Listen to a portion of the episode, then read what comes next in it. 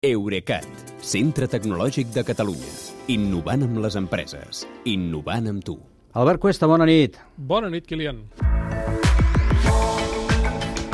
Ara, Albert, parlarem de ciberatacs, eh, de l'últim que hem tingut en aquest país, però no sé si has pogut sentir la Marta Montaner que et demanava sí. si algun dia podries mirar la velocitat de rècord d'Iker Casillas arreglant hackejaments de comptes aquest cap de setmana? Uh, els esportistes uh, solen ser molt ràpids en fent sí. esport, diguéssim, però... Home, ell, ell era porter, eh? tampoc no sé si ah, corria tant, clar, però vaja, és igual. Sí, bueno, en fi, qualsevol cas eh, deu estar entrenat, però uh, a mi això em sembla, això del hackeig em sembla excuses de mal pagador.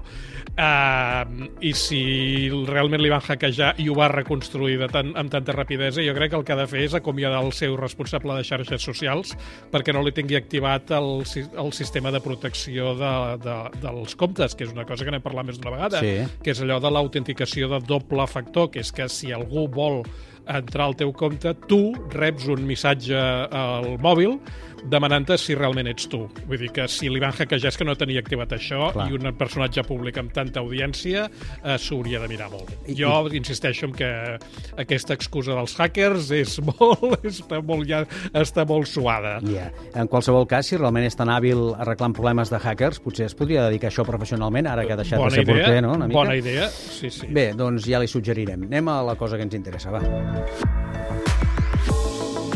Estem parlant dels hospitals del Consorci Sanitari Integral que s'han recuperat, Albert, del ciberatac que van patir divendres a la matinada, ja, sí? Uh, doncs sí, el Departament de Salut va comunicar ahir diumenge a mitja tarda que els centres d'atenció primària, el sociosanitari i els hospitals del Consorci ja havien restablert el funcionament d'una gran part dels sistemes que el ciberatac aquell els havia tombat i que impedia que els professionals accedissin a la informació dels pacients i poguessin gestionar l'assistència.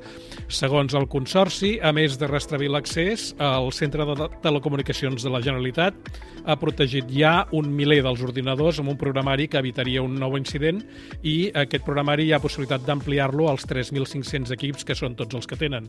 I també s'han proporcionat equips nous als centres d'atenció primària que no s'han pogut restablir per garantir el servei als pacients.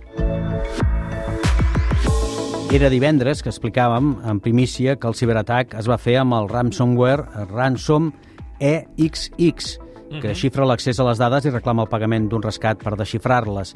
Si el Consorci ha restablert el servei, vol dir això que aquest rescat s'ha pagat? Uh, no. Uh, Salut explica que la informació s'ha pogut restaurar gràcies a les còpies de seguretat que es guarden regularment al núvol, que de fet és la solució que també divendres apuntàvem com a més probable en aquests casos.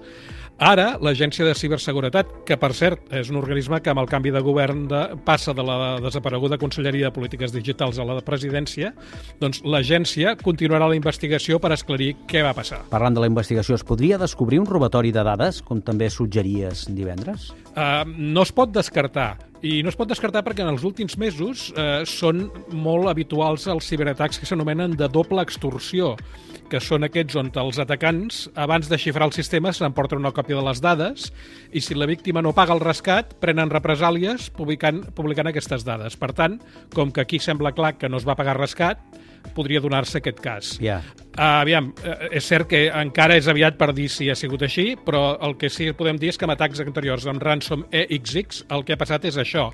Des de fa pocs dies estan circulant 7 gigabytes de dades internes de l'empresa Ferrari, que no va pagar, i també ronden més de 100 gigabytes de documents municipals que es van exfiltrar de l'Ajuntament de Castelló al març de l'any passat abans d'activar-hi aquest mateix ransomware. Tot i que l'Ajuntament aleshores va negar que, que s'haguessin endut res.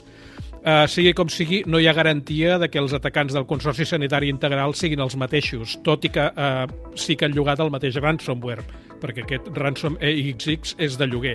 De manera que els d'ara, uh, els que han atacat els hospitals catalans, potser no tenen la mateixa política de cibervenjança que els que van atacar Ferrari o el Castelló. I, en tot cas, si es van robar dades, caldrà diferenciar entre les que són purament administratives i les clíniques. Clar, aquí hi ha una diferència que hem que de tenir sí. molt present. No, jo, no dic quina, jo no dic que una cosa sigui més greu que l'altra, però que segur que les clíniques fan més por al, al ciutadà, diguéssim, al pacient. Cert, cert, és així, és així. Bé, en seguirem parlant segurament. Moltes gràcies, Albert, bona nit. Bona nit, Kilian, fins demà. Eurecat, centre tecnològic de Catalunya. Innovant amb les empreses. Innovant amb tu.